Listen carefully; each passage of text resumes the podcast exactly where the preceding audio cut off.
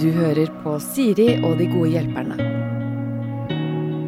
Helgens gode hjelpere er eh, komiker Sofie Frøysa, og så er det eh, programleder Niklas eh, Baarli. La hei. oss ikke late som vi ikke kjenner hverandre litt fra før, folkens. Hei, hei, hei. Jeg har ligget med dere begge, det er veldig gøy. Ja, det, det er det er på en måte underlivs...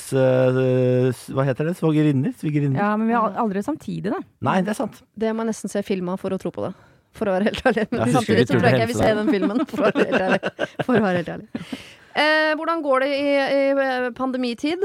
Holder dere liksom hodet flytende og kaldt og alt det der? Det går altså så veldig bra. Ja. Eh, Jeg trives jo i eget selskap, og jeg er gamer. Og gamere har jo den fordelen av at vi var jo aldri spesielt sosiale før dette. Og de, den sosiale omgangen vi hadde, den foregikk på internett. Så det er ikke så mye som har forandra seg for min del.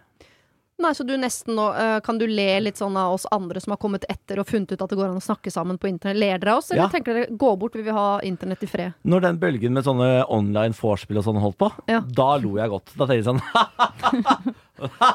Ja, se på de, ja, søte, da. Her, se, nå har de funnet webkamera, de, da. Altså, jeg fant webkamera under chatroulette-tiden. Det stemmer. Jeg har Ja. altså runka så mye på webkamera opp igjennom. Ja. Det, Ja. ja, ja, ja, men virkelig. Jeg har sikkert en 200-300 cumshots jeg på internett.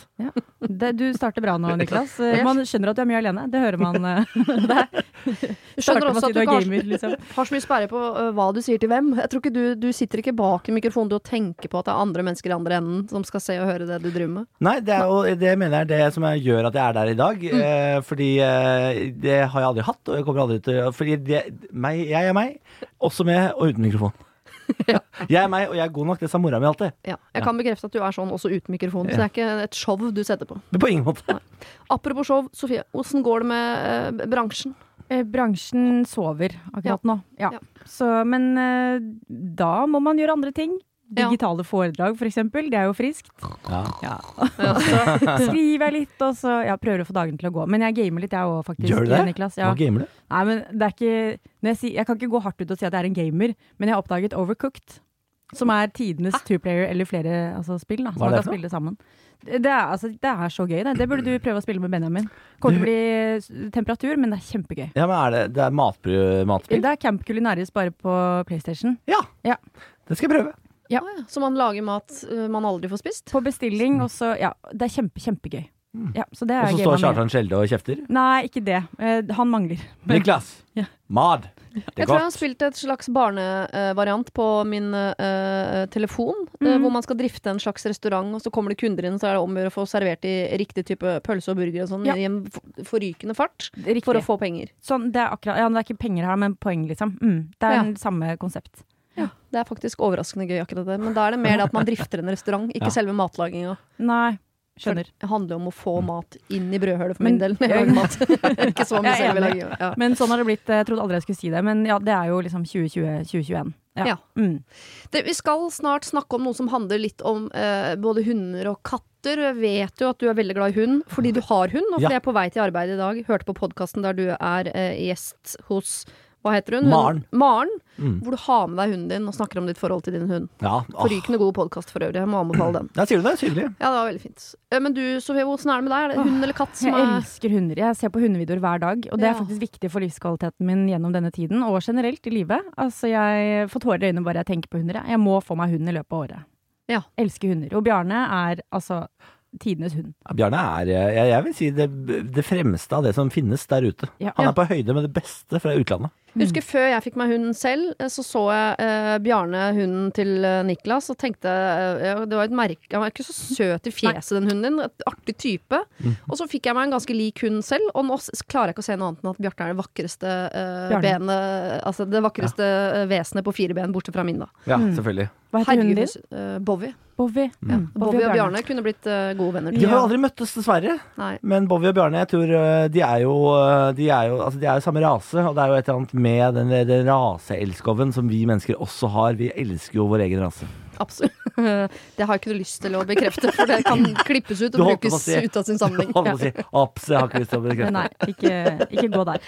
Da må jeg på forhånd beklage til de vi skal hjelpe først her i dag, fordi det er et eh, problem hvor vi skal innom dette med hund og katt. Og i og med at samtlige i dette rommet elsker hund mye høyere enn katt, så stiller en av uh, innsenderne i, mye dårligere enn den andre. Men jeg har vokst opp med katt. Ja, ja. Bra. Så det er òg. masse katteerfaring. Da er vi tre med katteerfaring, men masse kjærlighet til hund, som nå skal løse dette problemet. Her står det.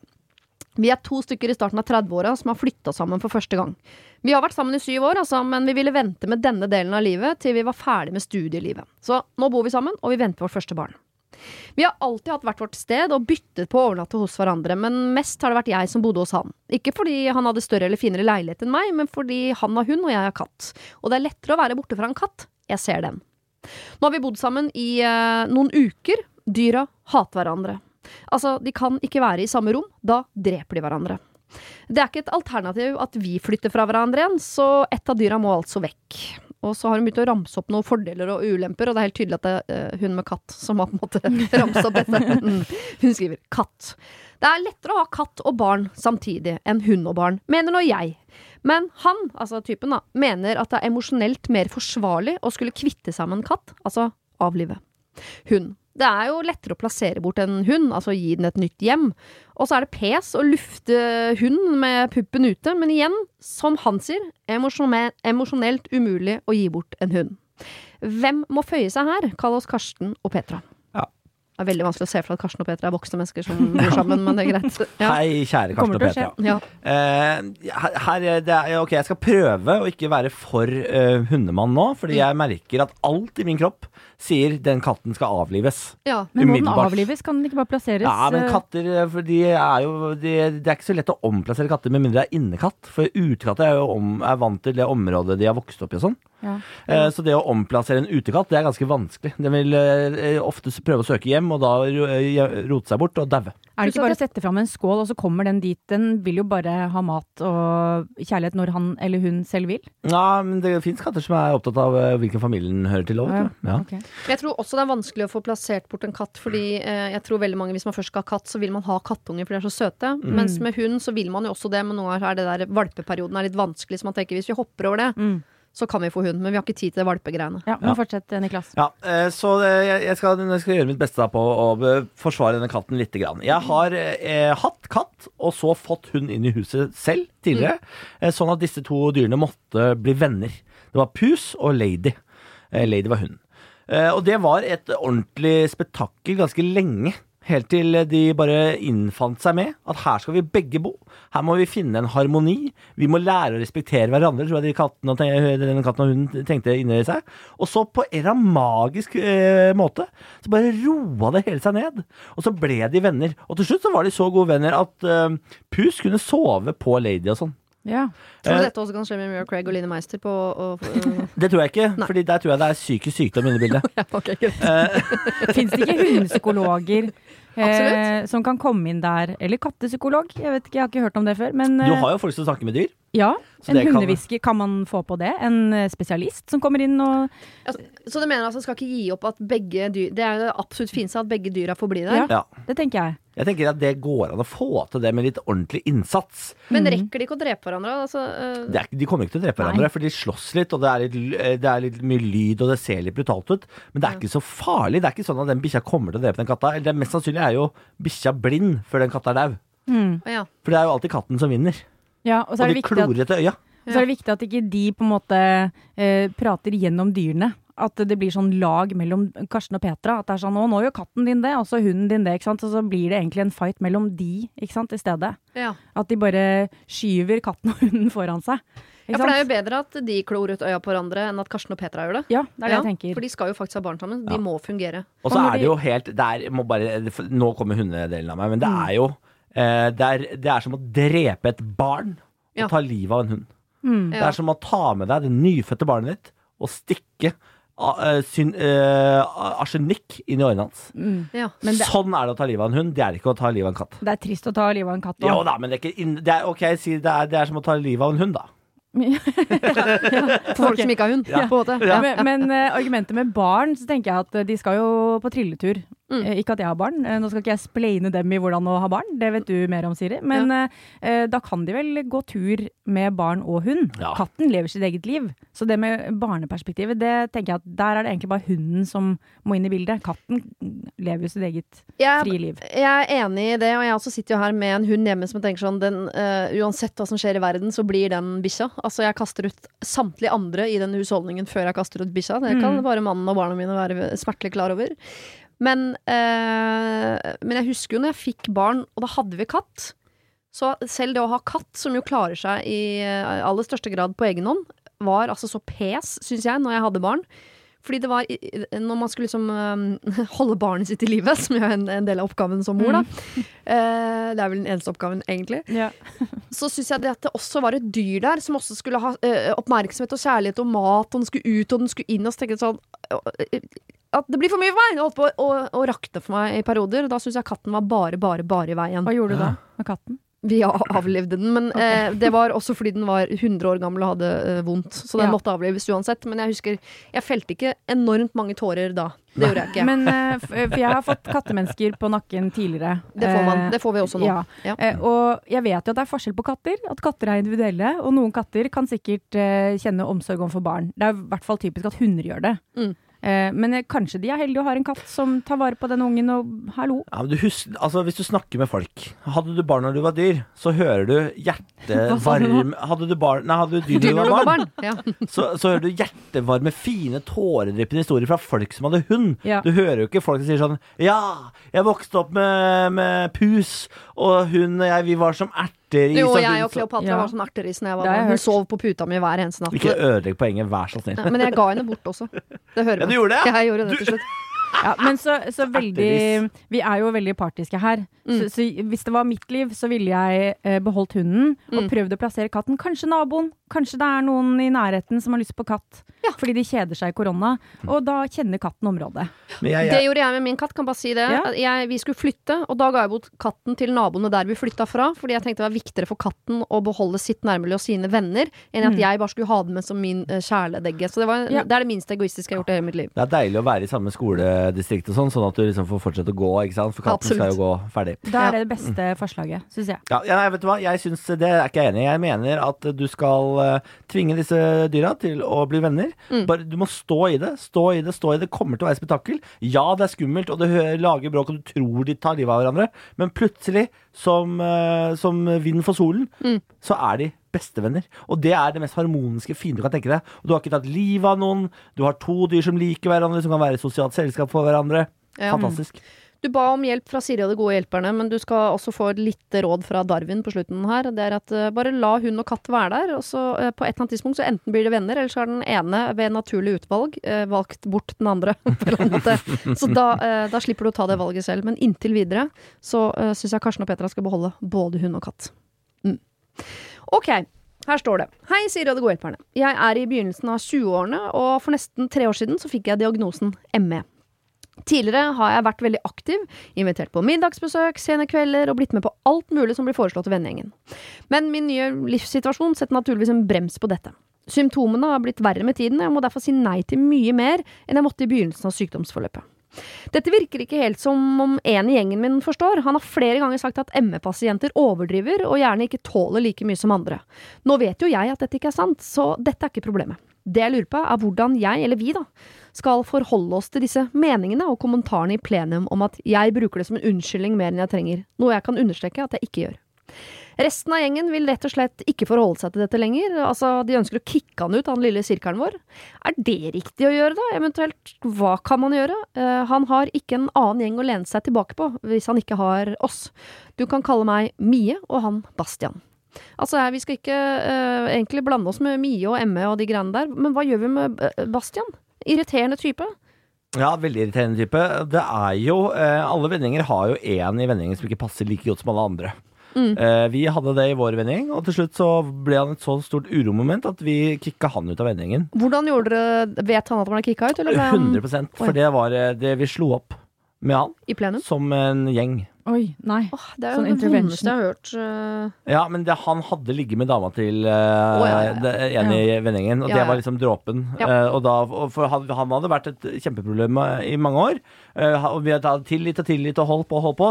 Og til slutt så kom da dette ene som var grunn nok til at vi kunne få han ut. Ja. Og jeg lurer på om det er det dere egentlig er ute etter her med denne ME-greia. Fordi hvis Bastian driver og maser på ME-greiene og du er lat og sånn, og så sier hele vennegjengen 'Vi bare får det ut!' Nå er det nok! Ut med Bastian! Så er det et eller annet som sier til meg at det må være noe mer som ligger bak her. Det, Hele vennegjengen er ikke forbanna på Bastian for at han maser litt på de hjemme. Det, det, han, har vært et, han må ha vært et uh, uromvendt og et rasshøl lenger. Så de, Det må være mer. nå bruker de hennes uh, sykdom til å få lempa ut Bastian. Ja. Men skal de det da, syns du, Sofie? Ja, altså, jeg får jo umiddelbart lyst til å si at de eh, eh, burde prate sammen, Mie og Bastian. Eh, jeg vet jo at eh, ut fra mailen her at hun har prøvd, men jeg lurer på, er det ofte sånn slengbemerkninger i plenum? Har hun prøvd å ta det her på tomannshånd? Fordi jeg opplever at de fleste kan tøffe seg i, i liksom flokk, men Ja. når du får det på tomannshånd, så skal det mye til å sitte der og være rasshøl sånn face to face. Hvis hun virkelig bare caller bullshit på dette og sier sånn du, jeg syns ikke det er greit. Hva har hun prøvd det?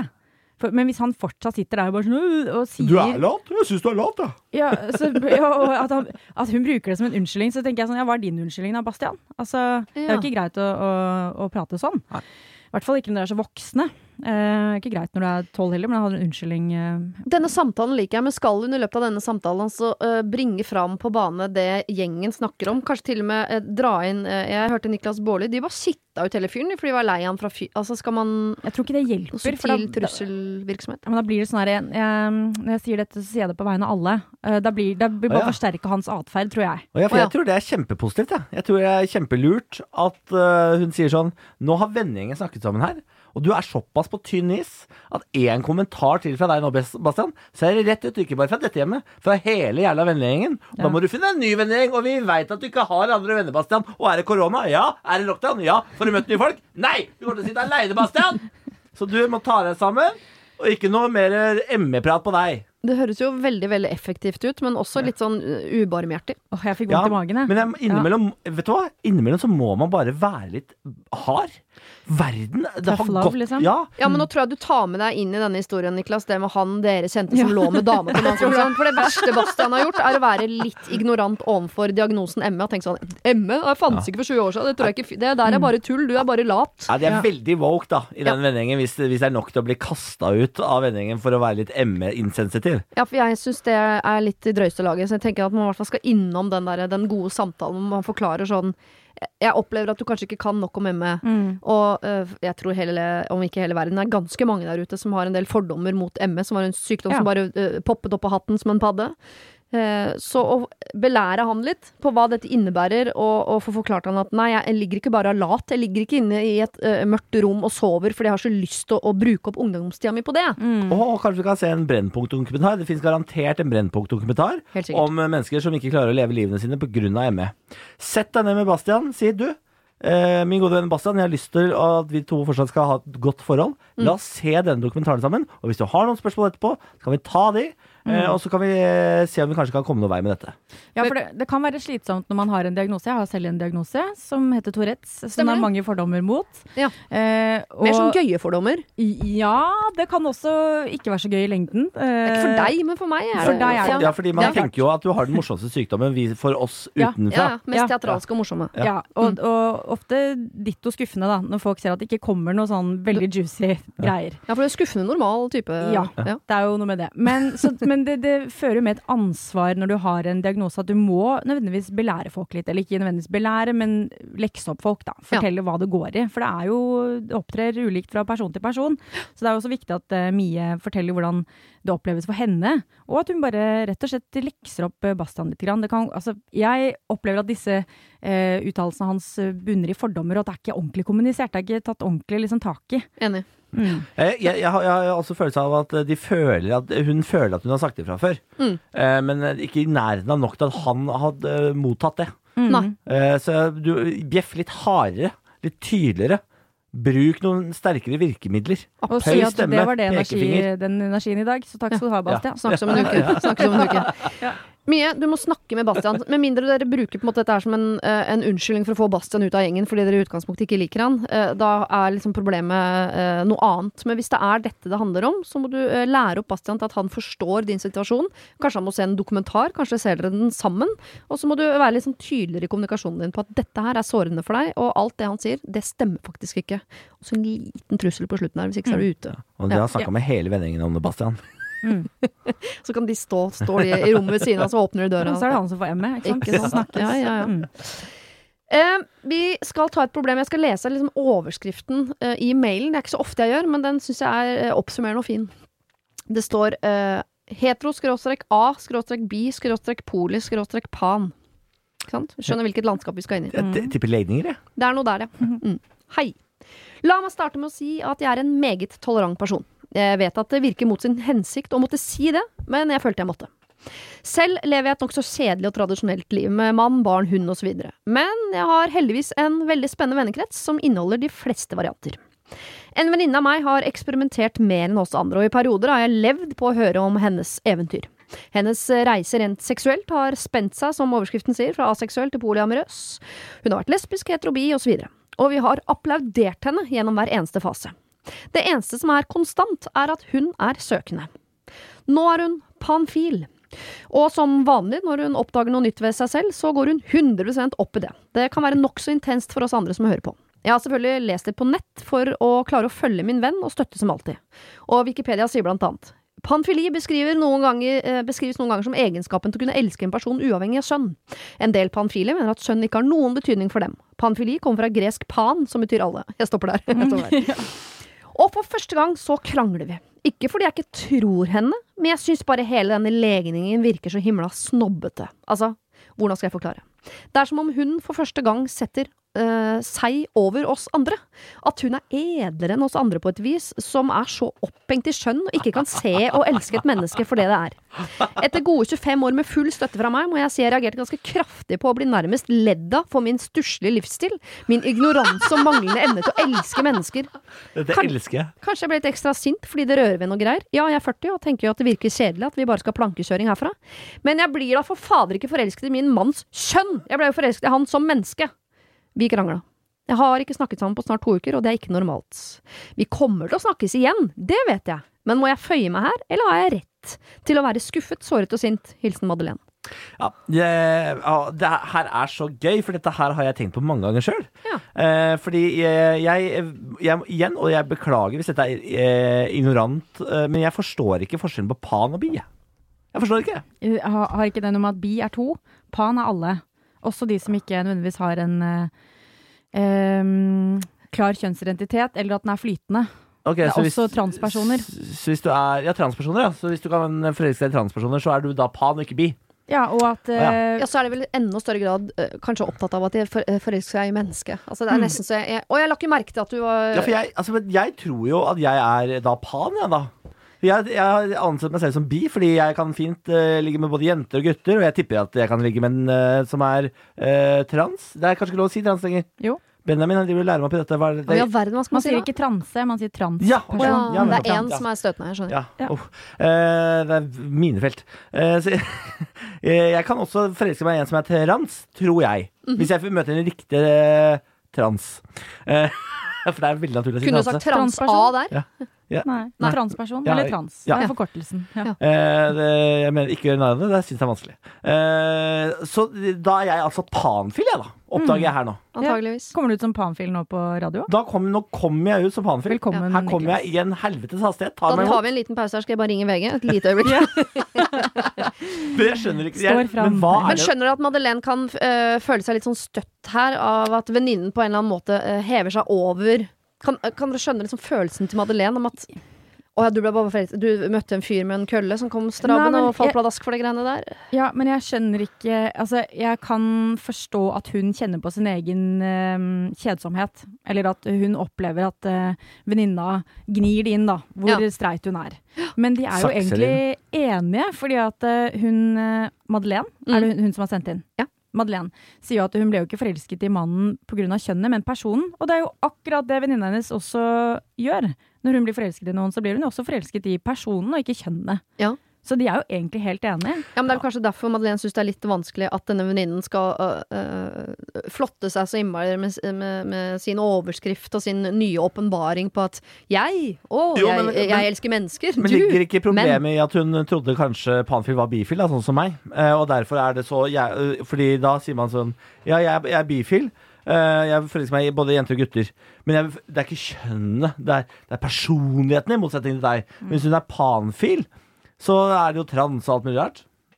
Hvor, hvor skulle jeg med dette? Jo, men i den setningen du sier da, Ja. jeg tror hvis du hadde sagt til meg sånn Å ja, ja du ble forelsket i mannen din, Espen. Ja, ja jeg forelsker meg i personligheter, jeg. Så Ja, ja, sånn, ja, men jeg Hva sier du nå? At ikke jeg falt for personligheten til mannen Mm. min? At jeg, jeg bare jeg, jeg så en, en kølle, så var det noe annet tåkete rundt der. Jeg vet ikke hva det var, jeg, men den kølla kom nå i Det hvert fall gående foran fjeset mitt. Jeg falt pladask. Mm. Det, det høres ut som hun ene på jobben din som du alltid har lyst til å slå til. Men ok, så jeg tror, for, for at jeg skal forstå det, så er det noe med at uh, venninna uh, vil ikke la seg definere av legning. Mm. Men hun labeler da uh, Herregud, hva heter hun? Madeleine? Madeleine, ja. Ja. Beklager. Eh, at hun labeler henne fordi du er hetero, du. Og derfor ble du forelsket i en mann. Men det er Mm. klart, selvfølgelig, vi alle faller jo for personlighet. Det er jo ikke som du sier, bare en kølle foran eller vagina, da. Jeg har sett Eller- mange køller jeg ikke har falt for. Ja, Mm, jeg òg. mm, ja, ja samme her. Mange vaginaer, ja. Ja, ja, ja. Snikskryt. ja. Masse. Masse. Det er så mye. Ja, ja, ja. Husker dere det før? Lastebil, ass. Herre. Men eh, nei, så jeg tror nok det eh, rokker noe ved hennes eh, Ja, men hun sier jo det at hun vil ikke ha plankekjøring herfra ut. At Mm. hun kjenner litt på det. Og kanskje hun er litt misunnelig da, for at venninna lever eh, litt mer. At hun eh, har et mer spennende liv. Ja, Det høres ut som det. Det høres ut som det er et problem med deg, ikke i venninna di sin, fri, de, sin frislipp. Ja, det er fantastisk det at hun er fri. Ja, ja, jeg syns ikke det høres ut som venninna di hever seg over deg heller. Jeg tror det er du som nå begynner å få litt sånn voksenpanikk over at du ikke eh, hadde det gøy nok Mm. før du falt til ro. Og det kan jeg også kjenne meg igjen i. Jeg har vært sammen med Benjamin siden vi var 20. Innimellom skal jeg tenke sånn herregud, hvorfor banka jeg ikke et par lefser til, liksom, før jeg uh, falt til ro med denne stakan? Er det lov å si? Hæ? Er det lov å si? Jeg vet ikke, jeg sier det, jeg er fra Moss. Norges Mexico. Ja, men så du også kan Ytre kjenne på det. Nordre Follo. Ja, jeg, jeg kan absolutt eh, kjenne på det innimellom. Fordi innimellom så blir det jo Vi har vært sammen i ni år nå. Det blir jo litt statisk og kjedelig. Og man får noen flate perioder hvor man tenker sånn Voff! Nå skulle jeg ønske jeg kunne ta meg en guttetur til Granca og bare jobbe meg gjennom Jumbosenteret. I stedet for gullrekka og taco, liksom. Ja, ja, ja. Ja. 100% Ok, men La oss være enige at det antakeligvis er en blanding av det. da At hun kjenner litt på sånn Åh, jeg er 40, er det bare dette herfra ut? Uh, og så kommer hun med stadig nye liksom, eventyr, og nå skal hun heve seg litt over. At, at hun er litt sensitiv på det. Men kan hun ikke allikevel eh, snakke med venninnen sin, det skal hun uansett, og si noe om dette? Bare så, men ha med seg liksom sin, sine egne eh, følelser inne. Si sånn jeg føler at du hever deg litt over meg når du snakker til meg på den måten. Som om jeg ikke forelsker meg personligheten til mannen min. Selvfølgelig gjør jeg det. Men kanskje du kan starte med litt mer sånn Jeg, jeg, jeg, har tenkt litt og jeg lurer på, kanskje på om det ligger litt på meg. At jeg har ikke um, utforska nok tidligere. Men jeg føler litt på at du hever deg over meg. Hvis du bare legger den først, Mm. så har du i hvert fall eh, sagt at noe av dette kommer fra meg. Det er ikke, da slipper du å være så forbanna provoserende. Ja, også, Vi har jo en uh, felles venninne her uh, som uh, altså er poli, blant annet. Har vi det? Eh, Har vi? Ja, men altså hun har snakket i min Ja, ja. podkast, Henriette, eh, snakker om å være polyamorøs. Og hun opplever ofte at når hun snakker om å være poli, så blir folk, folk også veldig i forsvar. Eh, og kjenner på sin egen sjalusi. Sånn 'Å nei, tenk hvis kjæresten min skulle eh, ønske det', eller At man har en tendens til å gå litt i forsvar for det. Ja, men jeg kjenner meg ikke igjen.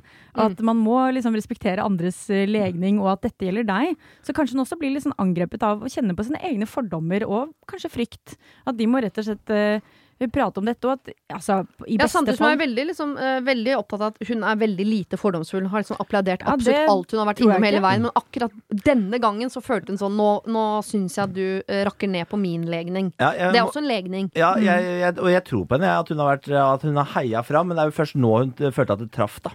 Ja. Uh, og så må jeg bare uh, må gi deg honnør for at du googler og setter deg inn for å heie fram Ja. venninna di. Syns jeg er helt rått gjort. Det hadde jeg aldri giddet! altså, ikke, ikke for noen hadde jeg giddet det! Så der er du helt rå, i hvert fall når det er liksom 15. fasen du velger å støtte opp om. Sette deg ned og google fram. Faen, for en rå dame du er. Det skal du vite. Du gjør en god innsats for det vennskapet, og det kan du også nevne for hun venninna di. Jeg veit det er urettferdig at jeg blir irritert. Eh, Jeg har googla, jeg har støtta deg. Du må huske å dra med alt det positive du har gjort også. Men også legge deg litt flat. Fordi det er tross alt du som har et problem, og ikke venninna di. Jeg kan bekrefte det du sier, eh, Niklas, med at dette hadde ikke du giddet å google for noen, for du har ikke giddet å google det for deg sjøl engang. Du oppdaget jo nå i dette radioprogrammet at du selv er panfil. Så det gjelder ikke bare andre, det gjelder også deg selv. Og så kan du leve gjennom venninna. Tenk så spennende. Ja. Ja, Det har du gjort i mange år allerede, Madeleine. Og jeg tenker at uh, du skal jobbe litt med Hvis du tenker at det er kjedelig på hjemmefronten, så finn en eller annen måte å krydre det på. Uh, og så syns jeg du kan si til venninnen at du uh, blir litt såra når du føler at du, hun hever seg over deg ved at hun nærmest sier at ikke du forelsket deg i personligheten til din mann. Det kan du bekrefte at jo, det gjorde jeg absolutt. Eh, og håpe at hun setter pris på at du er en sånn venninne som går inn på Wikipedia for å forstå venner dine bedre. Det, eh, som Niklas også sier, det skal applauderes. Og denne samtalen skal dere ta, og dere skal være venner også på andre siden. Ja. ja. Ok, nå skal vi over til eh, eh, dette med eh, alder uh, i et uh, forhold. Kan man ta en kjapp runde på det først? Uh, aldersforskjellen mellom deg og din eh, kjæreste, Svea? Eh, Ett år, halvannet år. Det føler jeg er innafor. To år. Niklas og Benjamin har to år. Ja. Åtte her hos meg, da. Så jeg er jo i øvre sjikt, sånn opp. sett. For, ah, han er åtte år opp eller åtte år ned? Han er åtte år opp. Jeg er ja. halvannet år år eldre enn min kjæreste. Du er eldre enn din Ganske stigmatisert. stigmatisert. eh, Ja. Søren. Skulle nesten sagt MILF, men du har jo ikke Ja, nei, så det går ikke. Ok, Men her er det noen som altså eh, sender inn egentlig uh, mail på vi eh, vegne av venninnen sin, for de syns det er problematisk at venninnen er sammen med en eldre fyr. Kjære Siri og dine gode hjelpere. Vi er to jenter fra en vennegjeng på fem. Kall oss Tuppen og Lillemor. Det er da bare to av dem, men det er greit. En av jentene i gjengen er, har et av og på-forhold til en uh, ti år eldre mann. Kall henne Sofie, og han Richard. Unnskyld, Sofie, men eh, ja. Det er meg. De har vært sammen i ca. fire år, men siste året har det vært mye av og på. Etter at de nylig kjøpte seg hus, gjorde de det slutt igjen da han ikke ville ha barn. Og dette vet eh, hun at hun veldig gjerne vil. De solgte huset, men bare etter en uh, liten tid så var de sammen igjen. Det har vært mye av og på, og nå har de kjøpt seg leilighet og er sammen igjen. Vi vet at det går mye fram og tilbake om hvorvidt han vil ha barn eller ikke, og vi syns det er dårlig gjort at han ikke snart har et standpunkt, men bare vingler. Han er i midten av 30-åra, og han bruker eh, også dette stadig som en trussel hvis de krangler. Sofie får eh, store forhåpninger hver gang han sier at han vil ha barna likevel. Han har kraftig ADHD, og vi vet at han er noe ustabil. Da han blant annet har kjørt i fylla fra en fest vi var på, fordi han var sint. Han eh, roter litt med penger og er lite ansvarlig i livet, og heldigvis har han fast jobb. Sofie bare ler det bort når vi prøver å snakke med henne om dette, og forsvarer han hvis vi eh, nevner dette med fyllekjøring eller dop. Vi tror ikke han er bra for henne, men vi vet at hun er håpløst forelsket. Dette er hennes første kjæreste, og den første som har gitt henne denne typen anerkjennelse. Vi vet at det er viktig for henne å få barn, men vi eh, venter bare på neste runde der han forteller henne at han ikke vil ha barna likevel, og så blir det slutt. Vi har prøvd å snakke med henne om det. Er det noe annet vi kan gjøre, eller må vi bare se på at dette foregår? Resten av gjengen ser også det vi ser. Vi er alle i midten av 20-åra. Klem fra frustrert Tuppen og Lillemor. Noen Ja. gode venninner, da, Ja. ja. God- ja. vil jeg si. Ja. Ja, jeg, eh, det, jeg, jeg føler jo at jeg er litt brysomme venninner, jeg, da. Ja. Fordi eh, For det første må jeg bare si at dette handler jo ikke om eh, alder i det hele tatt, dette problemet. Nei, jeg tror ikke det har med alder å gjøre. Nei, så jeg, jeg stryker min notis alder. Her handler det om at eh, venninna deres har fått en kjæreste som dere ikke anerkjenner som god nok for henne.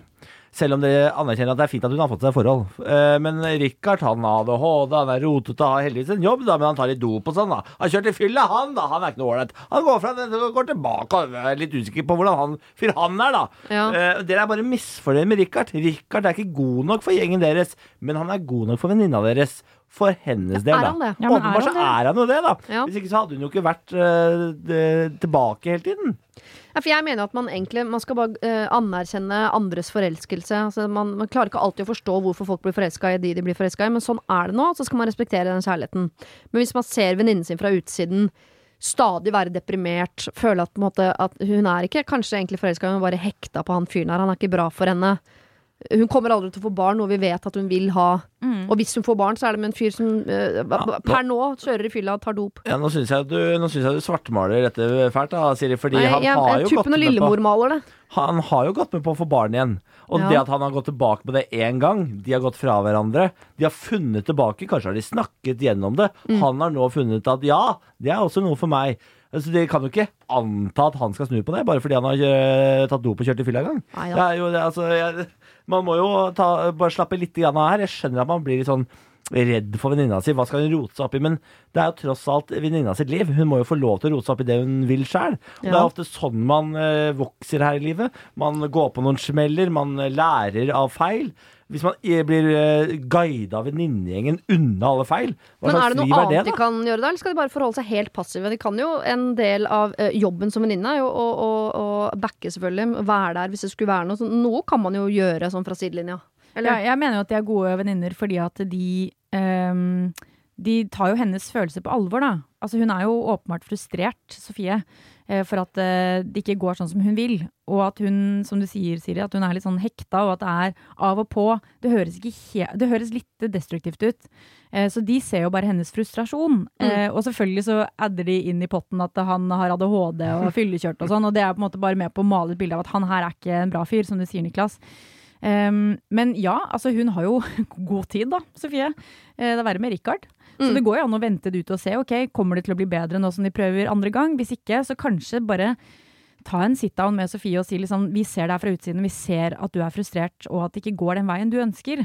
Er dette her noe du skal Skal du flytte fra han igjen eh, og gjennom samme mølja, liksom, og så nok en gang dit?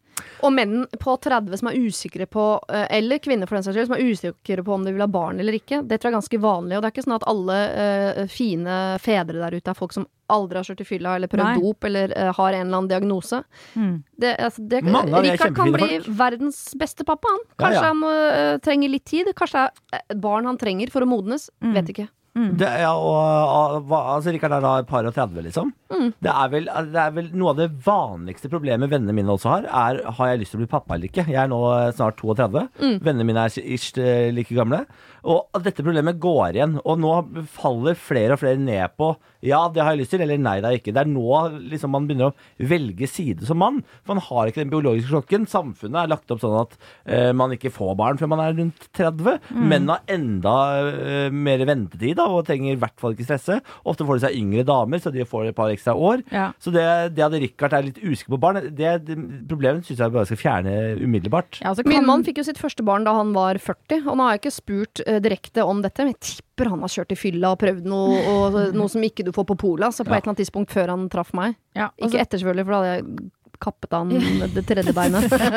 Men det kan jo også være at eh, fordi Sofie har eh, mast litt på dette, at han blir veldig anti. At uh, For hver gang hun sier sånn 'men barn da', barn da, så blir han helt sånn åh, føler seg kvelt. Så det kan jo også være at hvis Sofie da uh, roer litt ned, Mm. uh, så kan det komme mer naturlig. Eh, og nå har de jo all verdens med tid, så dette burde også brukes til en gyllen anledning for å bare pleie forholdet og se kommer det til å Har han et snev av lyst? Mm. Men har han ikke det, så er det bedre for Sofie å vite det. Og da kanskje venninnene er en god push på det. At hun finner ut av det. Kanskje Rikard er den smarteste fyren oppi hele dette her. Så sånn, skal vi bringe et barn inn i dette? Det er jo helt kaos. Vi Ja. aner jo ikke hva vi vil, noen av oss. Eller skal vi bare vente til hele har roa seg litt? Ja, det er ikke dumt tenkte jeg. Og det er jo, man må eh, som eh, vennegjenger alltid huske på at man ofte måler kjæresten til venninna si eller vennen sin opp inn i vendingen. Passer den inn her, ja? Og så eh, legger du på masse personlige ting. Preferanser. Er det han vi har lyst på? Det, er ikke, det handler ikke om det. Det handler ikke om deg, det handler ikke om venninnegjengen din. Det handler om henne og hennes preferanser. Husk det innimellom. Ja. Det er veldig vanskelig å gå, seg vill i sin egen sånn derre Å, jeg skulle ønske hun heller fant seg en som var litt sånn. Som ikke har ADHD. Ja, Og som kanskje hadde hytte som hun kunne bruke på sommeren. Da. Dette har jeg sagt uh, gjentatte ganger opp igjennom uh, i mitt virke, men det å få seg kjæreste er ikke et gruppearbeid. Man eh, finner seg ikke en type som, som gagner gruppa på noe som helst uh, måte. Man velger den som passer best til seg. Og for Sofie så er det Richard. Eh, men hadde Sofie sendt en mail og sa sånn en, eh, Kjæresten min sier at han vil barn, så sier at han ikke vil barn, så flytter vi sammen og ikke Så ville jeg kanskje sagt sånn, men det, du må kreve et svar. Mm. Du trenger å vite om dette er et, et rede du kan legge egg i eller ikke. Hvis du trenger å vite det, så må du spørre Richard, og da må han eh, svare eh, på ekte. Men Tuppen og Lillemor, det er litt opp til Sofie, altså. Ja. Har du problemer selv, send dem inn til siri at radionorge.no. Jeg er en jente i midten av 20-åra som lurer på en ting. Har en venninne som sliter veldig psykisk. Hun legger ut på sosiale medier at hun sliter, og at hun ikke har noen å snakke med. Jeg vet at hun har mange venner hun kan snakke med om uh, problemet. Uh, og, og det sårer oss som venner rundt henne at hun skriver at hun ikke har noen å snakke med. For vi føler oss jo da mislykket som venner. Vi spør henne hvorfor hun ikke vil snakke med oss, og da svarer hun eh, det er jo det at jeg føler at jeg plager dere da med mine problemer, og føler meg som en dritt når jeg plager dere med det jeg går gjennom. Men hvordan kan vi hjelpe henne med dette? Vi vil jo være der for henne, og øh, øh, hun vil ikke gå til en profesjonell person å snakke med heller. Hvordan kan vi få henne til å snakke med oss? Takk på forhånd. Altså Her er det jo en vennegjeng som, som i større grad vil stille opp for venninnen sin. Mm. Jeg overlater denne til Sofie foreløpig. Ja, Ja. men uff, det er jo en klisjé med alle disse statusene hvor det er sånn å, En eller annen trist, et eller annet trist sitat, og så spør noen sånn uh, Går det bra? Sånn, Jeg vil ikke snakke om det. It's dark in the blackness. Ja, og her har jo hun venninna Altså, hun er jo heldig som har venner som står klare for å prate med henne. Mm. Uh, og jeg, jeg må si de skriver veldig respektfullt, fordi jeg kjente at jeg ble litt provosert. Eh, hadde det vært en venn av meg, så hadde jeg blitt sammen. Kom igjen, da. Nå må du ta deg sammen. Da er jeg litt mer over i Niklas-land. At ja. det er sånn, å stå folk klare, liksom. Eh, og at det er fristende å si at det er litt sånn oppmerksomhetsbehov her. Et litt sånn rop om bekreftelse. Ja, det er jo sånn eh, ulv, ulv da. Altså, hvis, eh, hvis eh, noen av dere hadde skrevet et eh, trist sitat på Facebook, Mm. eh, og åpenbart søkt om hjelp fra en venn, og jeg hadde kommet til en av dere og sagt sånn hva er, det, hva er det, Siri Sofie? Jeg ser jo at, dere, at du, du har det ikke noe bra. Hva, hva vil du snakke om det? Og da sa jeg sånn Nei. Så da hadde jeg blitt, jeg hadde blitt sånn Ei! Jeg hadde forbanna. Ja. For da, da, da, da tilkaller du altså hjelp fra dine nærmeste. Så kommer, eh, kommer vi altså som Røde Kors inn i krigssonen eh, med, med matsekker på ryggen. Vi flyr Hercules fly over, slipper ut ris til landsbyen, og så, er, så sier du hm, 'spiser ikke ris, jeg'. Ja, avvisning. Ja, ja. Mm. Mm. Mm, Du har ikke noe kobebeef, da. Ikke sant? Det er det du sier. Ja. Men det kan jo hende at det denne jenta faktisk trenger, er bare den lille ventileringa hun får ved å skrive på, på Instagram da sånn It's black in the darkness, eller hva det står for. det. Ja. At man bare hadde behov for å bare skrive ned akkurat følelsen sin der og da. Mm. Uten at nødvendigvis 113 skulle stå på døra og si sånn Hva kan vi hjelpe deg med? Sånn, Nei, men jeg, jeg trenger ikke hjelp. Jeg trengte bare liksom å, å Ja, men kan du ikke da, eh, da Tips. Eh, ta, eh, gå på de der tre små prikkene på siden av statusfeltet. Velg hvem som skal se det, og velg bare deg selv. ja. Du Ja. Og så er det nok av Insta-poeter der ute. Kanskje det er det hun skal gjøre? Mm. Bare lage små dikt. Det er nok av de. Trygve Skau, ja. do you hear me? Du Ja, kan bli med han. Og, og jeg tenker at det at hun ikke vil snakke med en profesjonell også er jo litt sånn urovekkende. Eh, for nå har jo de tilbudt seg å prate. Eh, Hun sier at nei, hun vil ikke engang snakke med en profesjonell. Eh, da tenker jeg, men hun har tilbudet. Eh, og hvis ikke hun vil ha det, bare avvise vennene sine, så tenker jeg, men da får man jo bare la hun fortsette, da. Men hva om hun driver og faktisk, som dere sier da, at det er eh, eh, rop om oppmerksomhet, og Mm. at hun bare trenger virkelig å bli eh, ordentlig sånn konfrontert flere ganger, og så viser det seg at hun kanskje har det helt forferdelig, hun syns bare det er vanskelig Ja. face to face å ta det.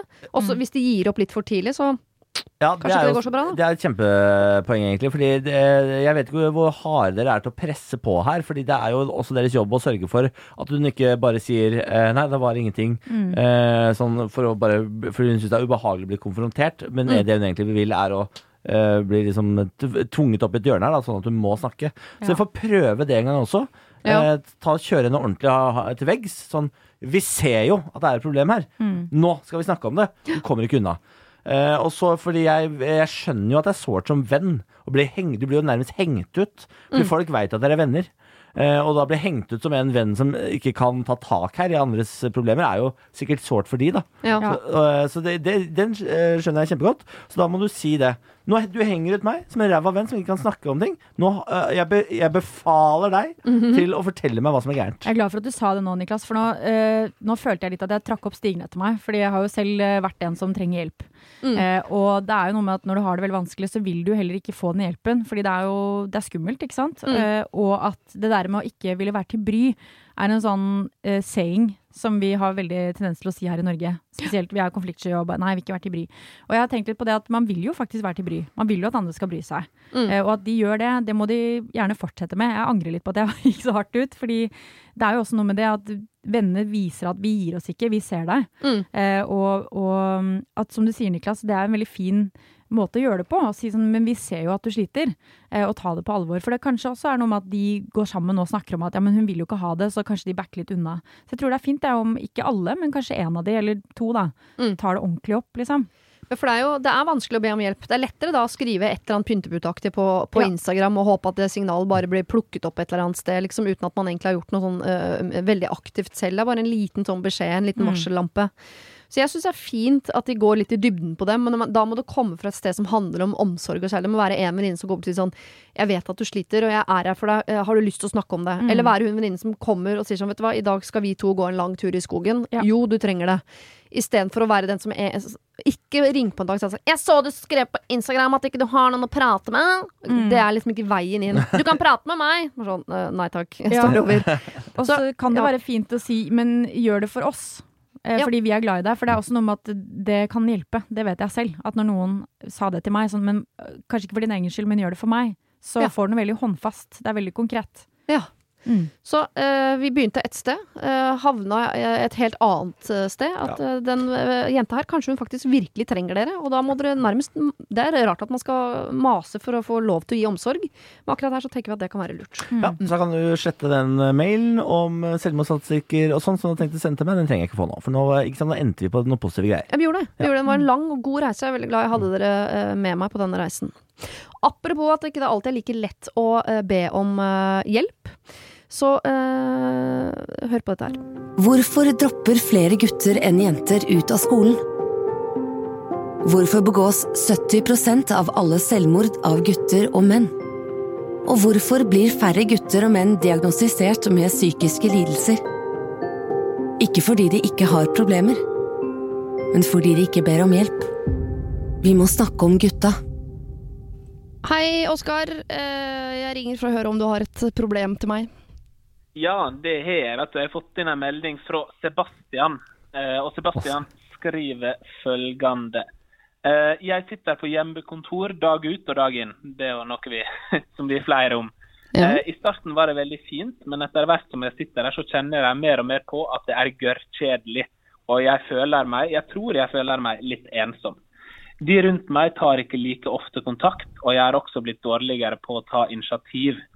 Samboeren min sier at jeg må prøve å lage meg flere planer, men jeg føler at det er et ork og vil helst bare ligge på sofaen til korona har dratt langt vekk. Eh, hvordan kan jeg finne noe som motiverer meg, og hva kan jeg gjøre med all denne latskapen som har overtatt livet mitt? Ja. Det er jeg nysgjerrig på sjøl. Jeg sa det til kjæresten min seinest i går, at jeg lurer på hva som har skjedd. Jeg har ikke lyst til å gjøre noe. Jeg har ikke lyst til å treffe folk. Jeg har ikke lyst til å trene. Jeg har ikke lyst til å gjøre noe annet enn å se på TV og spise mat. Nei, Jeg kjenner meg veldig igjen i denne problemstillinga sjøl også, så Ja. jeg håper dere kommer med et bra svar. ja. Jeg tar det opp med mine gode hjelpere, og så håper jeg de har løsninger på dette. At ikke de bare uh, gjør problemet faktisk større enn det egentlig er. Mm. Ikke gjør større problemer ut av dette enn det egentlig er. Nei, for det, det har største problemet i dette problemet er hans dialekt. Det må jeg ja. bare si. Han prater sånn her. Hva er dette for noe? Det er et eller annet sted fra Sunnmøre, da. Ja, men- Sykkylven eller jeg vet ikke. Og borti der et eller annet sted. jeg elsker den dialekta, så da er vi null på det. Ja, jeg også gjør det. Mm. Eh, Oskar her har jo da fått inn fra Han jobber for Mental Helse Ungdom. Har mm. fått inn et problem fra en fyr som syns dette med å ha hjemmekontor er altså så ensomt at nå ja, Han har mista helt piffen. Han har blitt en eh, saccosekk med to bein og har ikke, har ikke lyst til å gjøre noen ting. Mm. Jeg kjenner meg jo litt igjen i det. Jeg, eh, etter jeg var, eh, når jeg var sykemeldt, etter jeg brakk ryggen, Mm. eh, så var jeg veldig mye hjemme aleine mens Benjamin var på jobb og sånn. Og da, da kjente jeg på at eh, for første gang at det ikke var digg på en måte å være fri og være aleine og bare sitte hjemme. Mm. Eh, og det er jo en ganske sånn Det er en følelse som bare bygger seg opp. Hvis ballen først har begynt å rulle, så blir det fort en jækla svær snøball. Mm. Eh, så man må bare få stoppa den ballen før den blir noe særlig større enn den er. Eh, Hvordan gjør man det? Ja, det er jo det som er spørsmålet her. Ja, ja. Mm. Jeg vet ikke om jeg har noe godt svar på det. Jeg, det man må bare i hvert fall være flink til å stå opp om morgenen. Mm. Eh, Man må være flink til å gjøre, ha aktivitet og gjøre ting. For det er veldig lett å bare bli sånn henslengt til seg sjøl, sofaen og sin egen lille liksom, boble. Ta på deg ordentlige klær, ikke sitt i bokseren på hjemmekontoret. Ta, eh, lat som om du liksom er en vanlig dag. Ha rutiner. Rutiner er kjempeviktig for at man ikke bare skal bli en saccosekk av et menneske. ja. Mm. Eh, så t ta en dusj, lag ordentlig frokost, ta på deg ordentlige klær, kok deg en kopp kaffe, sett deg i stua med ordentlig Sett deg på ordentlig til, liksom, for å ha hjemmekontor. Ikke ligg og sleng i, i, i senga eller sofaen. Eh, ta, det, sånn- ta det på alvor, liksom. Gjør en ordentlig innsats for at det skal bli en vanlig dag. Ja, Rutiner er nok et stikkord her. Det er det kjedeligste ordet i verden, men det er jo uh, dessverre noe man innimellom merker at man er ganske sånn avhengig av. For nå, den dørstokkmila vi før hadde på trening, den har jo sneket seg inn som en sånn generell greie for uh, mange. Eh, du har vel sikkert mye hjemmekontor, Sofie? Ja, men har Du ikke det? Du, du sitter jo hjemme og skriver. Du drar ikke fysisk ut til et, et kontor i storbyen Mm. Oslo og sitter der og skriver. Det stemmer. Eh, og det er jo det ekspertene sier da, Niklas. Dette med rutiner og altså døgnrytme. Man skal holde døgnrytmen hellig. Mm. Eh, det er jo et par sånn primitive ting vi bare må ha i løpet av dagen. Det er liksom litt sollys inn i øynene, litt fysisk aktivitet, eh, tilstrekkelig med søvn. Alle disse rutinene er kjempeviktige. Og jeg tror at man skal sette opp en sånn, det gjør i hvert fall jeg, en sånn to do-list over de enkleste ting. Bare for å, den der mestringsfølelsen av å huke av. Og så tror jeg også at han sier at han føler seg litt ensom, og Mm. at han tar ikke like mye initiativ som før, og det heller ikke vennene hans. Og det er jo fordi at vennene hans er i akkurat samme situasjon. Så avstanden blir jo større og større fordi vi alle låser oss inne, bokstavelig talt. Så Ja. kanskje man skal kommunisere det ut som man gjør her. Bare er det bare jeg som føler på dette? Skal vi ta en eh, Altså et eh, møte over telefon, eller, og det er jo det vi hører hele tiden, men jeg tror vi er litt lei av det. Sånn, husk å plukke opp telefonen, men nå er vi liksom lei av det. Kanskje vi må få en renessanse av det, som vi hadde i fjor. Eller i hvert fall ikke sitte og ta det personlig og tenke sånn Nei, nå har jeg mista alle vennene mine. De har Mm. glemt meg, dem nå. For nå Ja. har de, de har slutta etterpå. Nei, de sitter akkurat sånn der. Jeg tenker Ja. sånn eh, og jeg for min del, jeg kommer ikke til å møte noen venninner på Teams og drikke rødvin eller holde på på den greia. Jeg tenker sånn, vet du hva, vi tar et års pause nå. Ses på andre siden. du tenker det, ja? Ja, vi plukker Ja. opp den tråden. Det går fint. Ja, det, men her er det, høres ut som jeg, det er mennesker som ikke helt takler det. da At det bare, jeg, jeg bare tar et år pause, så bare forventer jeg at det går bra, og at vennene mine er der om et år. Mm. Jeg tror eh, Hvis du er litt usikker på det, så tror jeg du skal ta faktisk Du må tvinge deg gjennom til å ta det initiativet. Det kan være litt tungt, men lag en quiz eller noe sånt. da Inviter tre av gutta, liksom. Eh, Så kjører dere en Zoom-quiz, eller bare eh, Og det trenger ikke være mye. En halvtime eller en time på kvelden. Bare, bare litt sosialt samvær, selv om man ikke kan møtes, gjør jo underverker. Jeg husker forrige lockdown, når det var ordentlig ordentlig lockdown, så, var det, så var jeg med på to av de der Zoom-forsa, eh, og det var nok for meg. Men Da hadde jeg i hvert fall fått litt påfyll og følt at det finnes mennesker der ute Ja. som husker at jeg eksisterer. Ja. Ja. bare få, bare få bekrefta det. At ja, de hadde ikke glemt meg. De bare var i akkurat samme situasjon, ja. Så de har også sittet og spilt PlayStation hele uka. Ja, Ja. nettopp. Man Men da vet vet vi det. og så kan man også Forrige lockdown så drev jeg og ommøblerte litt hjemme. Eh, vi blåste opp eh, luftmadrass i stua bare for å prøve å liksom endre litt eh, scenario. Det er jo et par ting Han har jo en samboer, så de kan jo også alliere seg og finne på ting. Mm. Ha én aktivitet i løpet av dagen. Eh, og, og bruk denne tiden til å pleie interessene dine. Er det noe du eh, tidligere har satt pris på, gjør mer av det. Så du føler at dagene får mer innhold, da. Vi Jeg har til ikke hovedfag FHI, det må jeg bare uh, beklage. Men man har vel fortsatt lov til å gå tur Ja. sammen med énmeters uh, Ja. mellomrom. Så Ja, det, det det. tror jeg man skal gjøre. Altså, Ja. altså, jeg, tror, jeg tror veldig mange kommer til å angre på at de ikke brukte all den tiden vi nå er tvunget til å få, Mm. eh, på noe med litt mer konstruktivt digge greier. Fordi man tenker sånn ah, det er så kjedelig, kjedelig, kjedelig. Når hver, hverdagen kommer tilbake, og det, kommer den til å gjøre, Mm. så kommer vi til å tenke sånn Hva faen er hvor- Jeg hadde jo så mye tid! Ja. Hvorfor gjorde jeg ingenting? Da kommer vi til å bli stressa Ja, ja. fordi ting går så fort. Og det er jo altså det å være lat avler jo latskap. Og det er jo det alle sånn irriterende PT-coach-drittfolk Ja, ja. sier. sånn derre energi For å få energi må du yte energi, men det er jo faktisk noe i det. Aldri Ja. bedre energi enn jeg har vært på trening. Ja, Fy men faen, skyt meg finn en mellomting, da. Må du ta heit, kan du ikke gå trappa? Ja. Jo, selvfølgelig kan jeg det. Ja, Jeg men kan altså, en mellomting, da. Ja. Så, så hvis du er lat, så blir du lat. Det, det er jeg den første til å si. Gud, jeg har vært lat det siste året. Få deg noen rutiner, finn på noe du kan gjøre som er sosialt, eh, og faktisk også selv om du har fått deg noen rutiner, rutiner så brekk opp i noen rutiner, og se om du kan blåse opp en, en luftmadrass i stua litt. Jo, jo, men herregud, jeg så på Farmen i går, da satte hun seg jo i ring og smurte havregrøt i trynet bare for å ha noe å gjøre. Altså, og de ble så glad. De ble, hadde spa, eller eh, et forfinet horehus, som eh, jo Øde. Sa. Ja. For en stjerne. Lag deg et forfinet horehus der hjemme, hvis det er det du trenger i disse tider. Ok, vi eh, skal til en som skriver Hei sann! Utropstegn. Jeg føler meg som et skikkelig ræva menneske, for jeg takler ikke dama til broren min. Jeg har virkelig prøvd, eller om jeg er helt ærlig, så har jeg i hvert fall tidvis gitt et forsøk. Uansett, da. Jeg setter eh, en ære i å ikke oppføre meg som en frekk drittsekk rundt henne. Hun har i den tiden de har vært sammen, som er over litt for mange år, prøvd å please meg. Altså, hun har gjort det. Hun kopierer blant annet interiørstilen min, hun abonnerer og spiller spillelista mi på Spotify, og er alltid enig i alt jeg sier. Jeg takler ikke pleasing, og har derfor prøvd å ikke gi for mye respons på dette.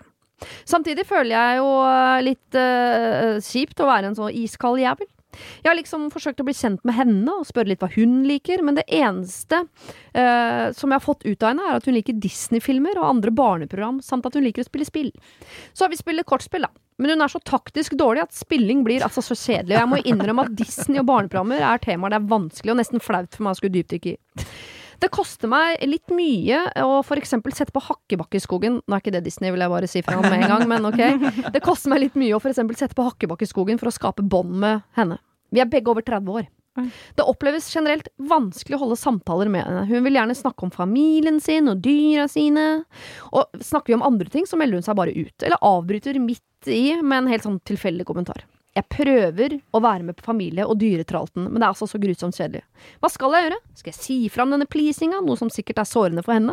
Må jeg bare skjerpe meg og innfinne meg med at uh, sammen med henne, så ja, snakker vi om trivielle ting? Skal jeg sette på barnefilmer, eller har dere andre tips til samvær eh, eh, altså som kan få dette til å fungere bedre?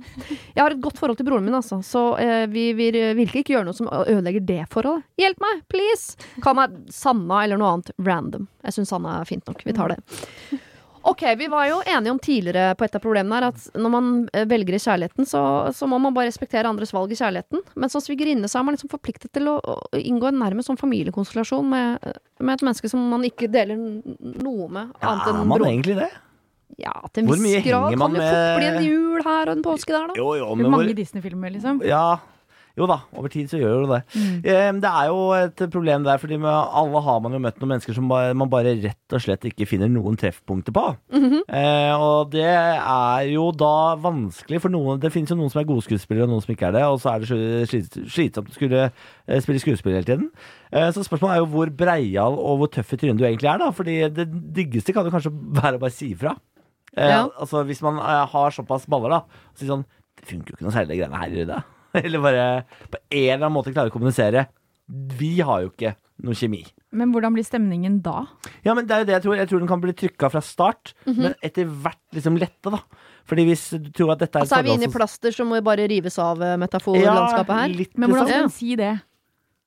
Ja, det er et godt spørsmål. Hvordan høres det ut? Eh, eh, nei, men man kan jo lempe det fram litt sånn eh, under eh, fellesmiddagen, for eksempel. Si sånn ja, Under er fellesmiddagen? Ja, så kan man si sånn ja, det, er, altså, det er så gøy med forskjellige typer folk. Du, jeg, du og jeg, for eksempel. Vi er ikke noe særlig Vi har ikke noe særlig til felles. Men vi får liksom til å gå litt sånn halvgreit uansett. Altså Lempe det inn i en samtale. Få en Ja. samtale til til å handle om relasjoner, da. Og så dumpe føler- dette eksempelet. Kanskje ikke hun føler det, hun eh, svigerinnen, da? Kanskje hun tenker at de har tidenes kjemi. Ja, da får hun i hvert fall føle det nå.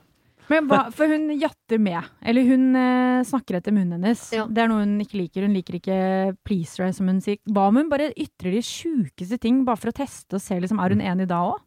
Ja, For å dra noe ordentlig utpå, ja. Ja. Ja. ja. Ja, faen, jeg meldte meg inn i Proud Boys, ass. Jeg, bare, og det, det, jeg vet ikke om Har du lest programmet deres? Det, her er det ting å følge med på, ass. Visste du at uh, den hvite makt er suveren, liksom? Eller den hvite rase er suveren, liksom? Oh, shit, tenk Så hvis hun er enig. Ja, da har de, men da har hun i hvert fall et problem. Da kan hun si sånn altså, Sorry, broderen, jeg prøvde, men Ja, eller bare sånn hun har litt problematiske holdninger. Ja. Kanskje hun må få henne litt utpå, for det- hun Det er jo noe med at når man begynner å mislike noen, så begynner man også å telle problemer. Man begynner å liksom legge merke til sånn Å ja, så er det det og det og det og det og det.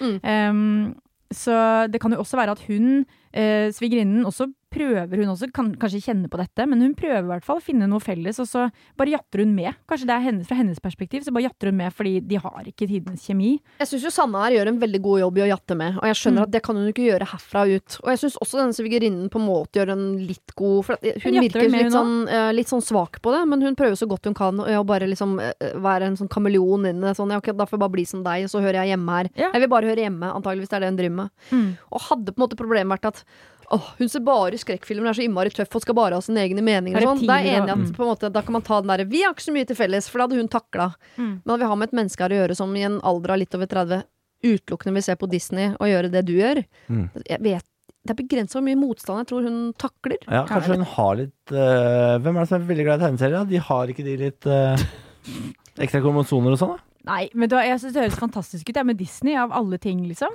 Sett på Disney Pluss og bare la det være en aktivitet. Da. Det tåler du. Det er masse Disney-filmer, så er det Ja. det dere gjør. Sanna må rett og slett bare bite det i seg. Ja, og bare gå gjennom Ja, dette er min favoritt-Disney-film, da ser vi den, da. Så kan hun velge neste gang, liksom. For det, Tenk på det, Sanna. Hvis du faktisk uh, er litt for hard med henne, og Mm. hun bryter sammen og syns det er ordentlig tøft, tenk deg hva slags drittfølelse du kommer til å sitte med. Ja. Da blir hun den onde Disney. Ja, Og du det- blir stemora, liksom. Ja, og det er mye verre. Altså, alle ting Disney, det er veldig stuerent. Det er mange ting som kunne vært eh, verre her. Hun kunne jo sendt inn sånn Du, jeg har en svigerinne som eh, henger på, på eh, Hva heter det da? Altså dokument.no document.no eller Resett, da. Ja. Og bare vi blir ikke enige om helt grunnleggende verdier. Da hadde vi hatt et problem. Men Ja. Disney, kom igjen! Jeg har noe veldig konkret jeg tror kanskje jeg ville ha gjort. Fordi uh, hun er jo tydeligvis en som veldig lett lar seg påvirke og forme til uh, å være sånn som deg. Og ja, du liker ikke pleasere, men du kan vel kose deg litt med tanken på at dette er et sosialt eksperiment. Du skal se om du kan klare å forme henne til å bli et sterkere menneske. Mm. Gå inn på Norge som er sponsa av Disney Pluss. Det er altså øh, Og jeg var det et lite øyeblikk, men jeg er ikke det nå. Samme det. Eh, eh, gå inn på Disney Pluss. Der ligger det også for eksempel da eh, Hele Marvel-universet ligger jo inni der. Mhm. Så når hun sier sånn Hva med Pinocchio? Sånn snakker hun sikkert. Ja. Ja. Jeg vil se Pinocchio. Så sier du sånn Hva med Ja, ok, vi kjører Pinocchio, så tar vi Spiderman etterpå. Ja. Og så lokker den det gradvis over mot liksom eh, sånn, mer sånn voksne menn. Tegnefilmpreget. Ja. Og så ser du om du kan dra henne med deg videre, for hun har jo kjørt seg fast i Disney-perioden. Hun går sikkert med rosa Mickey Mouse-genser og sånn. Du, ja, du Få får henne over. over på Mandalorian, liksom? Få henne over innom Mandalorian, videre. Mm. Og så på et eller annet tidspunkt så havner du sikkert på en film som er helt sånn øh, kul også for voksne. Ja, Men altså, jeg altså, ser det ikke på Pixar, for eksempel. Altså, Jo. Jo, jo. Sjel, for eksempel, er en fantastisk Ja. ny Pixar-film. Ja. Eh, altså, få henne med på se Det kan jo du kose deg med også. Og de gode Pixar-filmene kan man se om og om og om. og om. Der, der har jeg et ekstra kromosom, liksom. Jeg bare elsker det. Det er mitt Kaptein Sabeltann. Jeg ser på eh, Toy Story igjen. Igjen og igjen og igjen, igjen. innafor å se Disney når man er voksen. Det er helt innafor. Ja, Se ja, ja. masse Disney. Da er det Ja. stort sett sammen med barna, men jeg koser meg jo i hjel med det. Ja. Jeg gjør det. Ja, gjør det hva, uten Sanne? barn. Jeg tror det er du som er gæren. jeg.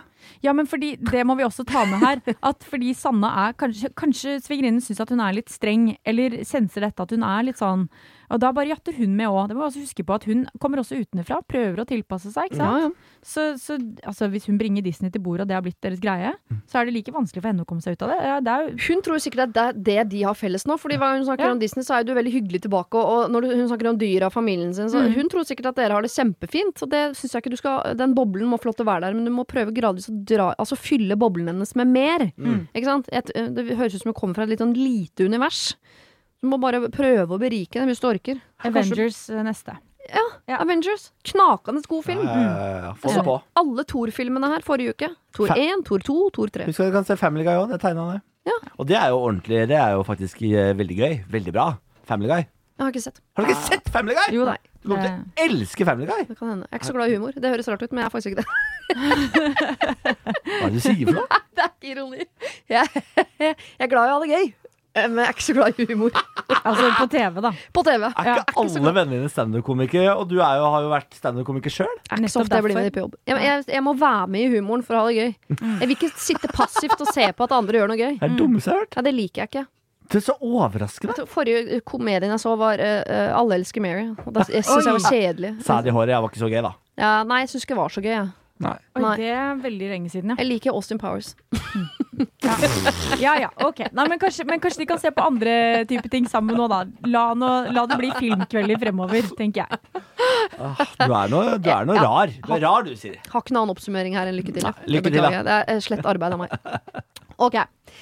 Hei, Siri og de gode hjelperne. Hei, Jeg hei. er en jente på uh, 21 år. Jeg er student og kom ut av et tre år langt forhold for ca. fem måneder siden. Siden bruddet har jeg klart meg overraskende fint, til tross for at det i begynnelsen føltes ut som noe jeg aldri skulle komme opp av kjelleren fra. Noe av grunnen til dette tror jeg kan være at jeg den siste tiden har distrahert meg selv med Tinder. I begynnelsen var det underholdende, og etter hvert eh, trådte jeg inn i min ho-face. Altså min horeperiode. Mm, Det var bra du Takk. Tusen takk for at du oversatte. Men nå føler jeg at mine behov har endret seg. Jeg føler meg ensom, er lite sosial med venner pga. korona, selvfølgelig, og så savner jeg bare å ha noen å være sammen med, ikke bare sex. Eh, altså litt som en rebound-kjæreste. For tiden har jeg kontakt med to gutter. Han ene er perfekt til akkurat dette. Kall han David. Utrolig snill, omtenksom person som gjør meg glad. Men problemet er at vi henger ikke så ofte sammen, kanskje to ganger i uka, noe jeg syns er for sjeldent. Han gir uttrykk for at han er opptatt med studier eh, resten av uken, eh, eller trening på dagtid. I tillegg får jeg følelsen av at han helst bare vil henge med meg for å ha sex, og tar kun initiativ til å møtes sent på kvelden på kort varsel. Den andre gutten, vi kan kalle han Ivan, han er noen år eldre, nærmere 30. Jeg har eh, kun møtt han én gang hittil, men han derimot tekster mye. Det er eh, tydelig eh, at eh, vi har kontakt kun for sex, men jeg syns likevel det er hyggelig. Jeg har ikke møtt Ivan etter at jeg begynte å møte David. Jeg følte det ble feil, men vi tekster fortsatt innimellom, og jeg har egentlig lyst til å møte han igjen. Så til problemet. Gøy hvis det er noe helt annet. Hadde ikke kommet inn i ingenting. Jeg føler meg helt lost i mitt eget gutte- og kjærlighetsdrama. Skal jeg kutte ut begge to, eller skal jeg fokusere på å bearbeide kjærlighetssorgen fra det forrige forholdet? Da jeg ikke får noe mer ut av dette her enn sex. Det føles fortsatt bedre å ha en av dem enn å ikke ha noen i det hele tatt akkurat nå. Og er det egentlig innafor å holde på med begge? Syns det er vanskelig å velge én, og det virker jo heller ikke som om de bryr seg. Hva syns dere? På forhånd takk for gode råd. Kall meg Victoria. Herregud. Jeg vet ikke hva Victoria lurer på sånn helt, men jeg tror hun ønsker tillatelse til å kunne holde på med begge. Eller så ønsker hun at vi skal velge for henne. Jeg tror Victoria skryter, jeg. Nei. Så er det så digg du da, Victoria. Hæ? Det er bare, da er det bare kukk bare- her, det er pikk der, og fy faen, Ivan og David og Men på én ting. Én ting. David, som er din fuckfriend, det er det dere er. Ja. Eh, dere møtes to ganger i uka, og du syns det er for lite. Det syns jeg høres helt sjukt ut. Ja, det er mye. Det er mye. Til å være en du ikke faktisk er i et forhold med. Jeg syns også to ganger i uka må, det må være innafor Ja, da, det, for meg er det å date. Ja, fordi i hvert fall mer enn to ganger. Da begynner det å bli litt seriøst. Ja. Og det høres jo ikke ut som David er så interessert i, dessverre. Høres ut som David har ligger helt på grensa og slurer til hva han eh, før, liksom, eh, før han har lurt seg sjøl inn i noe dating her. Så David er ganske smart, for han Ja, dere ligger masse, svarer lite. Så han, det, det er helt sånn Regnskapet går akkurat til null, da. Vil du si at han får i pose og sekk om dagen? 100 Ja. uh, Mens Ivan har du ligget med én gang, men ikke møtt, men teksta masse med. Mm. Eh, han hadde jeg bare droppa med én gang. Der, Hvorfor det? For der, der høres det ut som han er gira på noe mer. Og det høres ikke ut som du er i nærheten av klar for å hoppe inn i noe nytt forhold. Mm. Hun har jo kjærlighetssorg. Ja, så det må, Mm. du, det må du uansett bli ferdig med først. Men jeg syns ikke du skal stenge pølseboden bare fordi det er litt vondt i hjertet. Men Jeg jeg mener kanskje... at hun skal bear For å få bearbeida kjærlighetssorgen, så trenger hun tid for seg selv. For jeg tenker Hvis man først skal bearbeide kjærlighetssorgen med noen andre, så er det vel bedre at man kjenner litt på kjærlighet for andre mennesker enn bare kåtskap. Så sånn sett er jo Ivan en bedre vei å gå, fordi han kan vekke noen følelser i henne som handler om noe mer enn bare den etter klokka elleve. Nei, jeg er ikke enig. Jeg syns, eh, jeg syns David er det beste kjærlighetssorgbotemiddelet. Fordi eh, sex vil man jo ha uansett. Det trenger man. Eh, Så da uh, syns jeg du skal eh, fylle det fysiske behovet med David. Og så skal du For da han gir deg jo ikke noe mer. Han tekster ikke og sånn. Han kommer bare eh, og er som en rørlegger, og så går han igjen, liksom. Ja. Mens, eh, mens da, har du, da har du jo fem hva er det, Du har seks dager i uka da hvor du kan jobbe på For du er åtte dager i uka, du, ikke sant? Mm. Du kjører åtte dagers uke. Verdens enkleste regnestykke. Vent da, sju minus to. Jeg, seks, jeg tenkte åtte. Jeg tenkte at det var åtte dager i uka. Det er ikke det. Det så mye prat om Så da har du fem dager i uka, da. Hvor du kan uh, hvor, ja, Det blir riktig, ja. Ja, ja. Hvor du kan uh, jobbe med kjærligheten og kjærlighetsproblemet. Og det høres ut som du har, du har et ganske godt utgangspunkt her. Du har kommet deg ganske langt videre. Det er jo i starten det er vanskeligst. eh, I hvert fall for damer, og så blir det lettere og lettere. lettere For menn så er det jo sånn idet det blir slutt, så er det sånn Wow! Fri! Og så er det bare knulling, knulling, knulling. og så bare Hva er det jeg mista? Jeg mista verdens beste kjæreste. Oi, jeg visste ikke at denne podkasten ble spilt inn i 2001. Det er Nei, for når, når vi først nå har på en måte virkelig satt opp de båsene med sånn ordentlig reisverk og uh, godt fundament med sement, og det, altså, så må vi da slippe til kvinnen. Ja. Ja, tusen takk. Eh, jeg Hva tror, tenker du her? Apropos det siste du sa der, så tror jeg veldig mange menn gjør nettopp det. Men så kommer kjærlighetssorgen og biter deg i Ja, det er det jeg sier. Mens, eh, ja. Eh, jeg tenker at det er jo eh, to mennesker her som eh, potensielt kan eller kommer til å få følelser. Ivan er veldig på, så hun må jo også tenke på det. Mm. At, eh, Nei, det er ikke hennes ansvar. Uh, nei, det er ikke hennes ansvar, men hun kan ta hensyn til det. Han er jo veldig på å sende masse meldinger, så hvis hun kjenner allerede nå at det er ikke noe hun har lyst til å agere på, så vil jeg bare kutte av det. Fordi Ja. det her er veldig koronapreget også. Eh, hadde hun vært ute og fått eh, input og stimuli andre steder, så hadde ikke dette vært så altoppslukende. Hun trenger jo en varmepute, holdt jeg på å si. Hun trenger selskap, da. Ja.